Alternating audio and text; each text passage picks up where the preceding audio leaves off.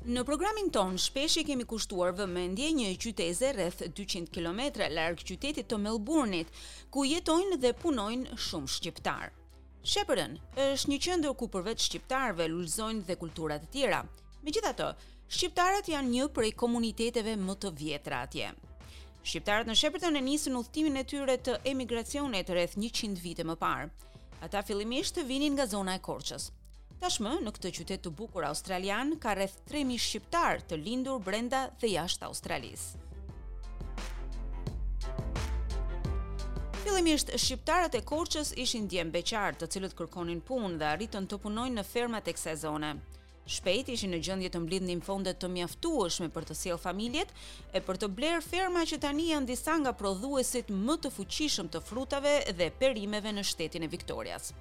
Me kalimin e kohës, fëmijët e tyre të lindur dhe të edukuar në Australi filluan të punojnë si dhe të japin kontribut në sektor të tjerë të ekonomisë australiane, por edhe duke ruajtur lidhjet e tyre familjare me komunitetin e Sheppartonet. Një prej tyre është edhe Shane Sally, i cili sapo është emëruar kryetar i Bashkisë së Shepparton. Shane është shqiptari i dytë që mban këtë detyrë. Një prej paraardhësve të tij është Dini Adem, i cili në një farë mënyre ishte udhërrëfyes për Shane. Ai, edhe pse në moshë të re, ka pas vetes një përvojë të tërë profesionale në biznes, Këtë provoj të gërshetuar me dëshirën dhe pasionin për të shërbyer komunitetit të tij shqiptar, por dhe komunitetit australian në Shepparton, Shane ka në plan që ta përdor për të sjellë ndryshime pozitive në qytetin e tij të lindjes, por edhe për ta bërë Shepparton një qendër tërheqëse për turizmin dhe biznesin. Ne folëm me Shane sot dhe intervistën do ta zhvillojmë në gjuhën angleze.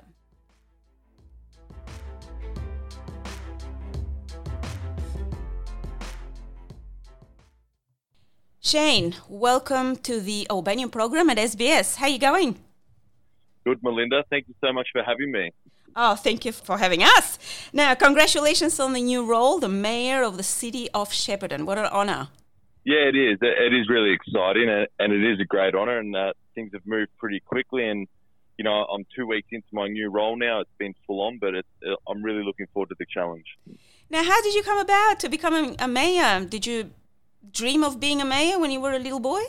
I don't think so. No, I don't think anyone grows up uh, wanting to be involved in sort of local government or politics of any type of sort and, and has have those early dreams. But the reality is, I considered running for local council back in early 2020, and that was when we had the local council elections at the back end of 2020. So I progressed into that. I was grateful enough to get the support from my community to be elected a councillor, and you know, we're almost halfway through our term now, and our current mayor at the time, um, you know, a bit over a month ago, announced that she was going to run for the upcoming state election. And unfortunately for her sake, you're unable to hold two positions, you know, being the mayor and also a candidate in the state election. So she had to resign from her mayoral role. So that provided an opp- opportunity for me to consider the mayoral role. And I think what was really pleasing was not only the fact of me wanting to do it, but also having the support of all my councillors. That was very important for me. So they probably pushed me into it in regards that I knew I had support and I thought this opportunity was something I should uh, grab. And what has the feedback been from, uh, I suppose, family, friends, your connections within the Albanian community and the wider Shepparton community?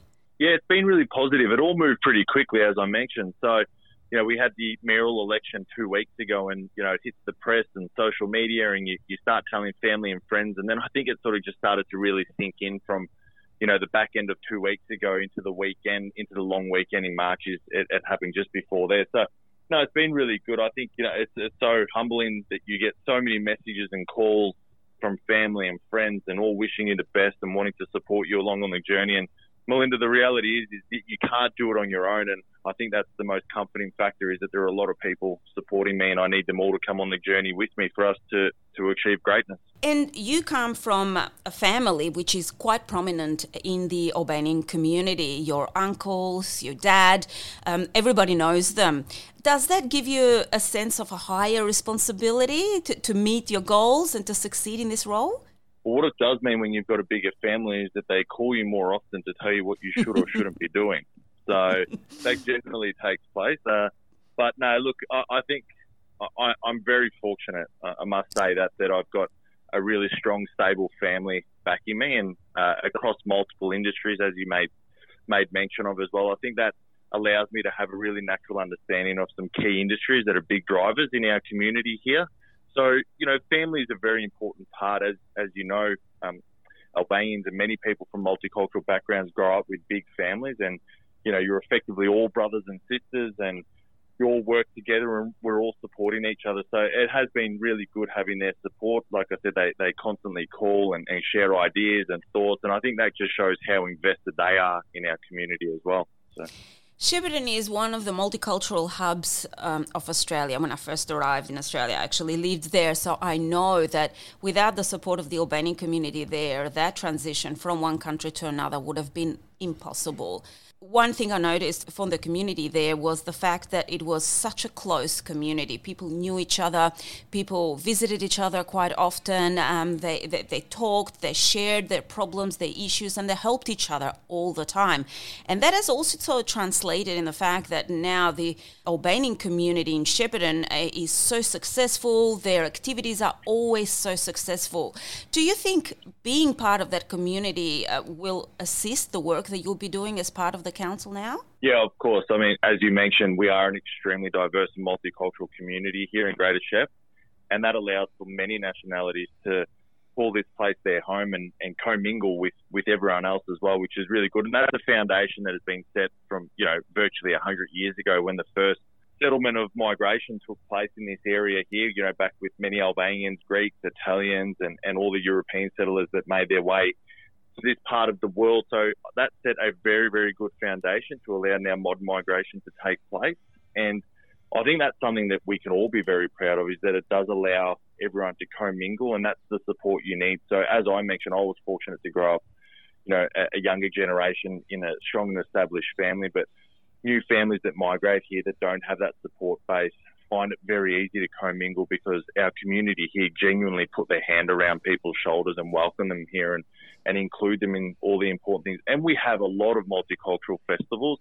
As you mentioned, our Albanian Harvest Festival is hugely successful. That was perhaps just more focused on only um, interacting with Albanians, but what we've done now is open it up to the whole community. And, you know, we're getting nearly, you know, 4,000 people coming to our festival and you've experienced it yourself. It's yes. an unbelievable spectacle seeing multiple nationalities commingling and, and having a really good day celebrating Albanian culture. Absolutely, and a very, very good way to actually promote our culture because we are a very small country, aren't we? And we, we are sometimes very unknown to the wider Australian community. No, you're not wrong. I mean, look, you know, if, if you mentioned that you were from Albania, you know, 20, 25, 30 years ago, you, you might have been frowned upon because it didn't have that edge that perhaps other European countries had at that particular time. But as things have progressed now and, and the importance of showcasing some, you know, some special people from our region, but also showing what can be done from Albanians that have migrated to other parts of the world. So here, you know, I'm very proud to say that I'm from Albanian heritage and my family are as well. And, and I think that's important that you don't hide away from who you are and, and what you've been able to achieve. A strong message there, Shane. Now, who is Shane? Um, family, uh, children?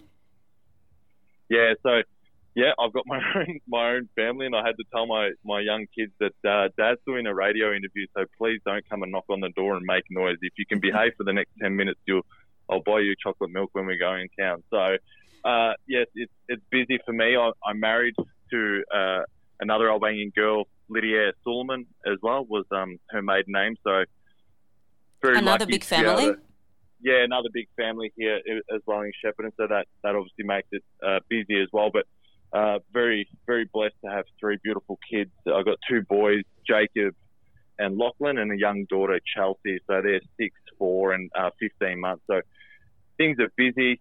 Um, which I like it that way. Uh, kids provide a, a, good energy around the household, and, and I love the fact that when I come home, they have no idea what I've been during the day or, or what even my role entails, and um, that that gives you normalisation, which is good. Now, the city of Shepparton is, um, I suppose, a, a, sister city with the city of Korcha. Which is where your um, ancestors, um, your dad and um, his family came from. Um, have you visited Korcha? I have, yes, and we do have a sister city connection uh, with Korcha, which is really good. But I, I was lucky enough to go a little while ago. I travelled to Europe and spend oh, just over a week in Albania, so not long enough. But I was so fortunate to spend some time in Tirana, obviously in Korcha, but more importantly, go and visit the village of Voskop, where both my mum, my mum's family, and my dad's family are from, and effectively stand in the village where their houses were. And I mean, it's an unbelievable feeling. I said this on an interview, I think a week ago, that until you go and experience it, it is so hard to explain to someone what it feels like to stand where your your grandparents were before they made the um, very challenging trip, you know, from effectively the other side of the world to where we were today.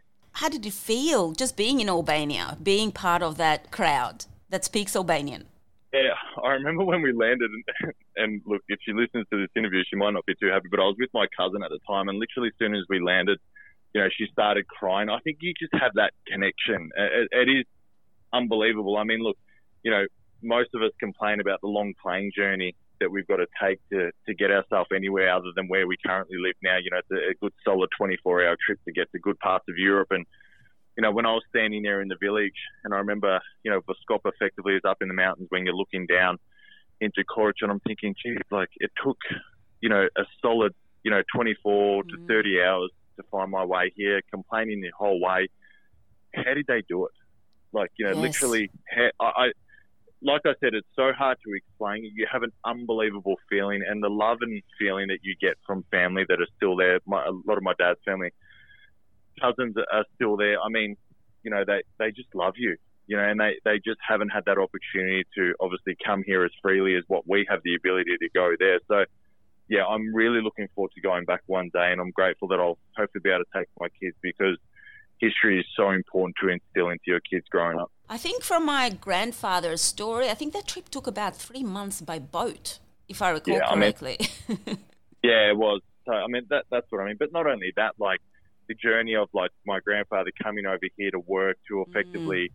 you know, spend multiple years away from his wife and, and first son, and then to have to go back and, and make it here before the war started as well, which was obviously a fortunate timing because you know things can effectively hold you up. And then you hear of escape stories, and then you hear of stories of you know you're, you're in a line, and the people going to the left are going to Australia, and the people on the right are going to the US. So you know it's it's crazy how how things work out, and, and I'm so grateful that you know they went one way that made us end up here in Shepparton.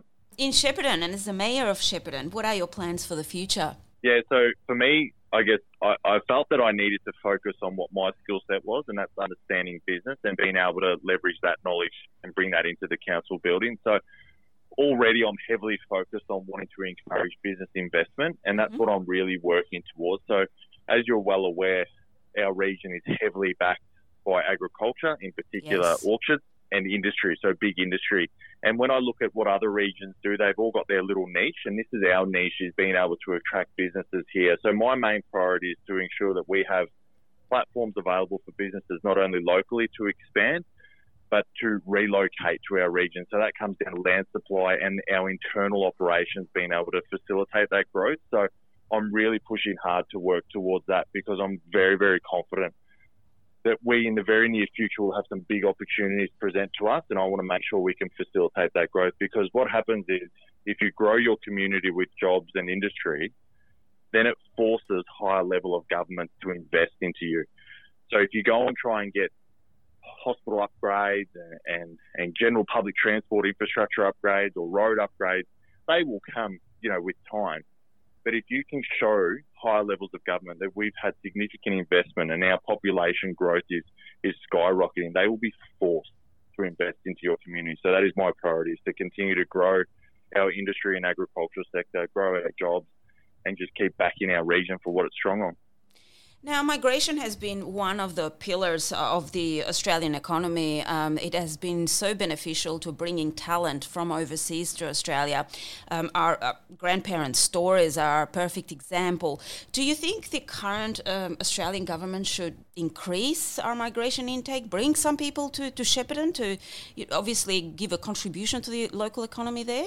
Oh yeah, and we we probably see migration, you know, in regards to migrants making their way here, probably more than any other regional city in Australia. I don't think anyone would be able to say that they have the the commingling of multiple nationalities within our community. So, you know, I think that's a positive. But yeah, I mean, look, migration can be challenging. I mean, I'm talking about it from a low level that I think, yeah, that's great. I mean, allow people to migrate through our region. It's so beneficial. We we already do such a, a good job of you know ensuring that everyone has that you know equitable opportunity and and able to share their story and work well with each other. But you know other regions perhaps don't have that strength. So from a higher level of government, I guess they're mindful of well, you know, we can't just have everyone migrate and just go to Shepparton.